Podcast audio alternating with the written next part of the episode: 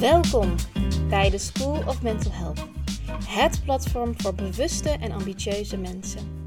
Ik ben Anaïta, ik ben life coach bij de School of Mental Health en speciaal voor jou interview ik diverse mental health experts, van coaches tot aan psychologen. Tevens deel ik mijn eigen ervaringen en weg naar meer rust en vertrouwen, allemaal zodat jij alle informatie en tips tot jouw beschikking hebt voor het creëren van meer rust en vertrouwen.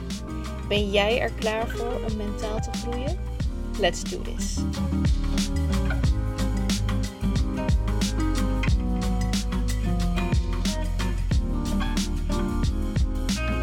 Welkom bij de zevende les van de School of Mental Health. We weten allemaal dat beweging zowel goed is voor je lichaam, maar ook voor je brein en mentale gezondheid. Hier gaan we het vandaag over hebben met toegepaste psychologe en gezondheidscoach Willemijn. Haar expertise ligt in het samenbrengen van mindset, beweging en gezondheid. Willemijn ontwikkelt fitness- en mindset-programma's en is eigenaresse van Will Be Strong. Welkom Willemijn. Zou je kunnen beginnen met wie je bent en wat je allemaal doet? Ik ben de eigenaresse van Will Be Strong. Persoon die eigenlijk altijd in ontwikkeling is. Um, met toch wel een continue stroom van. En als ik, aan, als ik ook altijd aan anderen vraag van... Hey, wie is Willemijn nou en hoe zie je die? En hoe zie ik mezelf? Is het altijd wel de positieve zelf, uh, degene die altijd mogelijkheden ziet, degene met vervelende vragen. Ik denk dat dat wel een beetje omschrijft wie ik ben. Stel je jezelf ook vervelende vragen? Ik denk, ja, ik uh, ben van mening dat alles wat je, wat je jezelf geeft, dat geef je aan een ander en andersom. Mm -hmm. Dus uh, ik denk dat vervelende vragen voor een ander ook vooral voor mezelf zijn. En hoe is eigenlijk Will Be Strong ontstaan? Ik was eigenlijk helemaal niet happy met wat ik deed. En ik was helemaal niet happy met de manier van leven. Ik werkte zeg maar, uh, nou ja, vier dagen per week, tien uur per dag ongeveer. Daarnaast deed ik mijn opleiding ook nog 16 uur per week. Dat hield in dat ik om... Uh, vier uur s morgens opstond om uh, lekker te gaan sporten. Um, als ik dan gesport had, ging ik met de hond wandelen. En dan stapte ik om half zes uh, met mijn uh, zelfbereide maaltijd zeg maar, op de fiets naar Utrecht. En van Amersfoort naar Utrecht. Fietste ik weer terug. Nou, dan deed ik de deur open. Hondje uitlaten. Ging ik zitten. En dan begon ik aan mijn, begon ik mijn opleiding af te maken, zeg maar. Tot een uurtje of acht. Dan ging ik eten. Rondje met de hond. en lekker slapen. En de volgende dag gingen we weer verder. Hoe was dat voor je? Je lacht er nu wel bij, maar volgens mij was het niet zo lachen toen. Nou ja, dat is dus eigenlijk best wel het vervelende eraan. Ik vond het dus niet echt vervelend. Had ik heilig de overtuiging dat je met mindset alles kunt veranderen. Dat had ik ergens geleerd, ergens gelezen. En ik had nooit geleerd dat er iets van gevoel bestond. Dus dit is, dit is eigenlijk uh, ik vond mijn baan dan wel niet zo heel leuk, maar ik had niet het idee dat ik daar iets aan kon veranderen. Dat, ik had niet het gevoel dat ik daar iets in kon. Ja. Maar wat ik wel kon, was mijn mindset veranderen. Dus als ik s morgens niet zo blij wakker werd, dan ging ik lekker sporten. Zorgen dat je weer blij werd, ja. Stapten we lekker op die fiets. En dan iedere gedachte die ik had, zeg maar, die zette ik om tot een andere gedachte. En dan had ik er heel veel zin in. En ieder gevoel wat er was, wat ook maar niet zo lekker was, dat duwde ik lekker weg. Ja, je kan wel met een heel fit lichaam en een ge gezonde mindset op kantoor zitten. Daarmee overleef je het wel. Maar of je daar uiteindelijk echt een gezond en gelukkig mens van wordt. Ja, nou, dat is dus erg discutabel. Ik vond mezelf wel.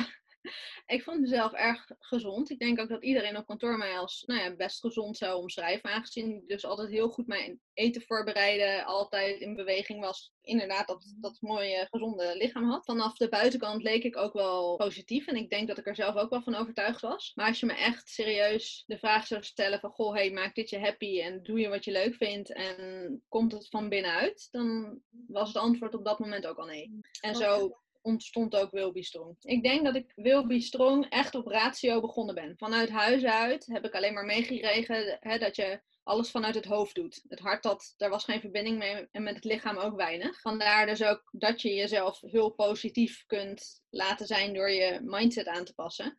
En zo heb ik eigenlijk ook alles in het beginstadium gedaan. Totdat ik mijn neus bleef stoten aan het feit dat ik toch iedere keer weer zo'n rode batterij had.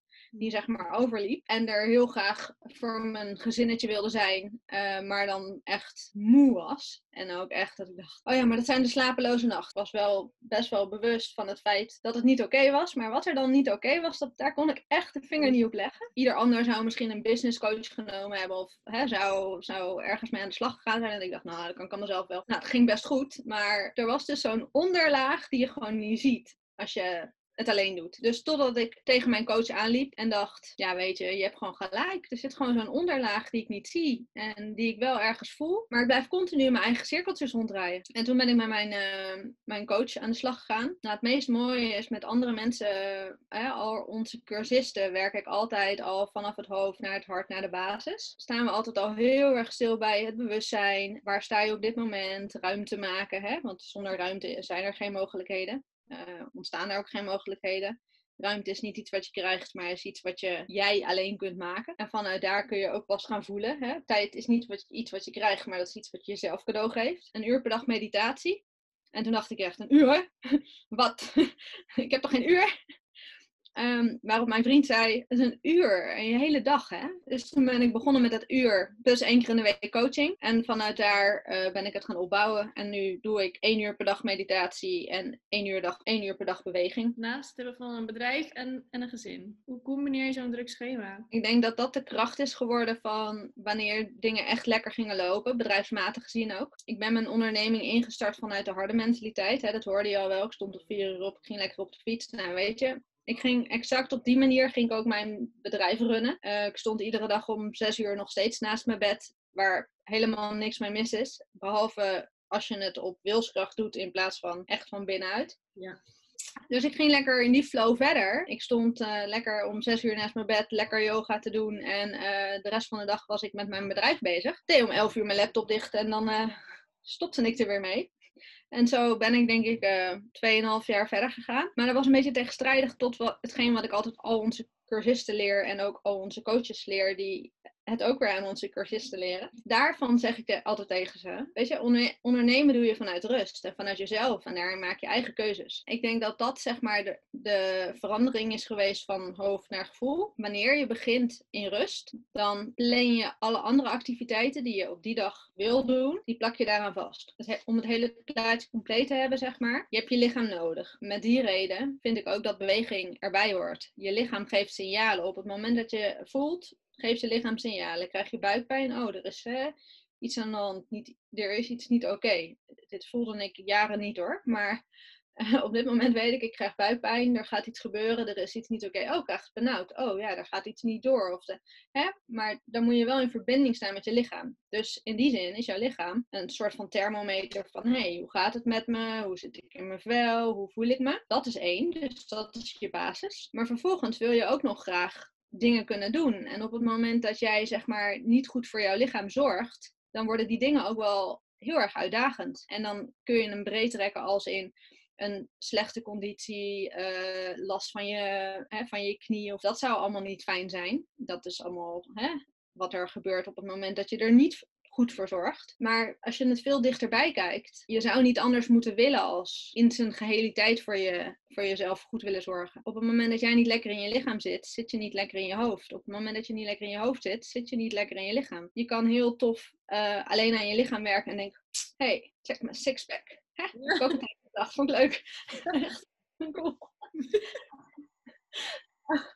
Maar werd ik er gelukkiger van? Nee, het deed me eigenlijk helemaal niks. Weet je, behalve dat ik het wel tof vond dat ik dat gewoon voor elkaar krijg. Maar je wordt er helemaal niet happy van. Je wordt er ook niet happy van als je lichaam niet meer meewerkt. Doordat het niet, hè, niet functioneel is, te zwaar is, uh, niet gevoed wordt met goede voedingsmiddelen. Ja. De beweging die krijgt die het nodig heeft. En ik denk dat het echt heel erg op elkaar inspeelt. Want hoeveel beweging per dag is voldoende volgens jou? Ik ben van mening dat op het moment dat je die verbinding hebt, dus kunt voelen, dan kan ik jou niet vertellen wat jouw lichaam op dit moment nodig heeft. Op het moment dat jij nu op deze stoel zit en denkt, ah, mijn benen die beginnen toch wel een beetje te slapen, of die, ik zit niet meer zo heel lekker, dan kan ik voor jou niet voelen. Dan voel jij eigenlijk al, ah, ik moet even opstaan, ik moet even bewegen. Of je begint te gapen, of je, je zit achter je computer en je denkt, ah, En dan kun je lekker verder gaan, maar eigenlijk heb je dan gewoon even wat zuurstof nodig en een wandelingetje nodig. Terwijl als ik tegen jou ga zeggen van, hé, hey, een half uur per dag beweging, dat is echt wat jij nodig hebt,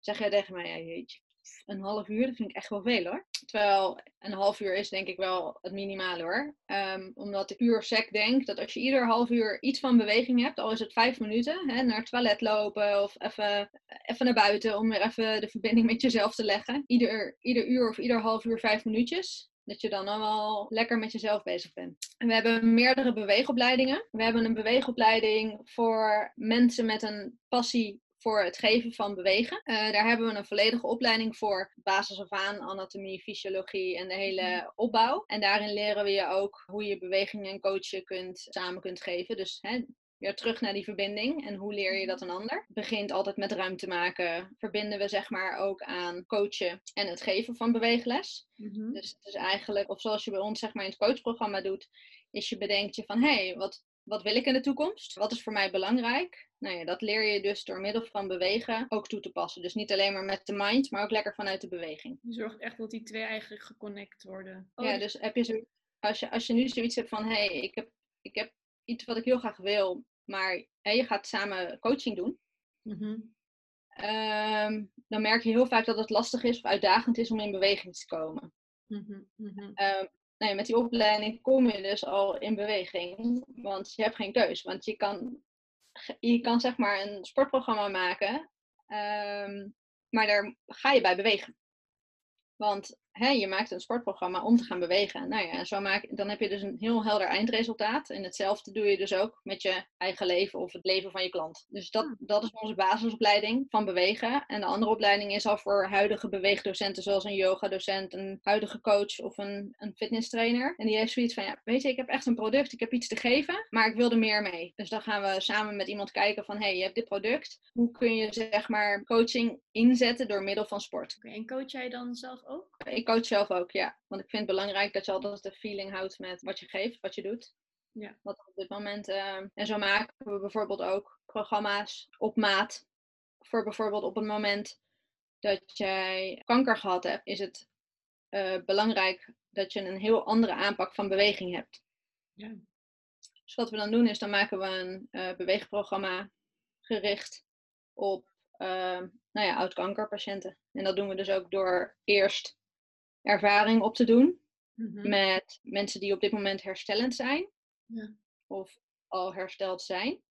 En dan proberen we onze programma's uit. Dat is vaak in samenwerking met. Vaak komen mensen naar ons toe van ja, hey, wat moet ik nou doen? Ik, ik wil wel naar de yoga studio, maar het voelt zo ongemakkelijk. Omdat je, hè, je zit helemaal anders in je lijf. En dat kan ook iets, dat kan kanker zijn, maar dat kan ook uh, anorexia zijn, bulimia, uh, iets waarvan je zeg maar net hersteld of herstellend bent. En dan maken we een programma specifiek daarop gericht. Wauw, wat mooi. Ik vind, ik vind jouw missie echt zo waardevol en zo mooi. Wat zou jij graag anderen nog willen leren? Het aller, aller, aller, allerbelangrijkste op dit moment, denk ik, waar alles start, is de rust nemen en jezelf belangrijk genoeg maken. Nou ja, door dus tijd te maken en van jezelf prioriteit te maken. En het niet alleen te willen doen. Weet je, um, ik zeg altijd, je hoeft het niet met mij te doen. Je hoeft het ook niet met Wilby Strong te doen. Doe het met iemand waarbij je denkt, hier heb ik echt een perfecte match mee. Dat vind ik het allerbelangrijkste. Maar weet dat je niet alleen bent. Want waar ik echt heilig in geloof is, we zijn er met elkaar en we zijn er voor elkaar. Op het moment dat je dus niet open bent over waar jij op dit moment mee struggelt of waar jij naartoe wilt. En je blijft daar zeg maar in draaien. Hè? Dus je hebt een rat en als een hamstertje blijf je rondrennen dan blijf je voor altijd rondrennen. Dan ga je je niet beter voelen. Je gaat jezelf niet belangrijk genoeg maken. Voor jezelf is dat niet fijn. Maar je geeft het ook door aan iedereen om je heen. Ook aan je kids. Ik denk dat als kind heb je zeg maar geen optie. Want als kind krijg je wat je op een blaadje gepresenteerd krijgt. Uh, maar als ouder heb je wel de optie om die bereidheid te tonen en om jezelf belangrijk genoeg te maken dat ga je niet doen door te zeggen: Ik heb geen tijd, het komt morgen wel. Of ehm, ja, maar ik moet werken of ik moet dit. Nee, je moet helemaal niks. Ehm, je denkt dat je het moet. En op het moment dat je dat blijft zeggen,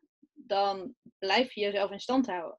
Ja. Maar jij kan daar iets in veranderen. En ik denk dat dat bij onszelf begint. En wij de enigen zijn die dat kunnen veranderen. En op die manier dus ook doorgeven aan onze kids. Dus heb je kids, vraag je dan eens af wat je ze mee wil geven. Ja. Bedenk je dan eens of dat is wat je nu aan het doen bent. Mhm. Want wat jij nu aan het doen bent, is letterlijk wat je doorgeeft. Ja. En dan kun je zeggen van niet, één op één gaat alles door naar je kind, naar iedereen om je heen. Ja, ik denk inderdaad vooral natuurlijk naar je kind, maar ook gewoon de rest van de wereld. Wat je doet, wat je uitstraalt. Je bent echt een quote machine, Willemijn.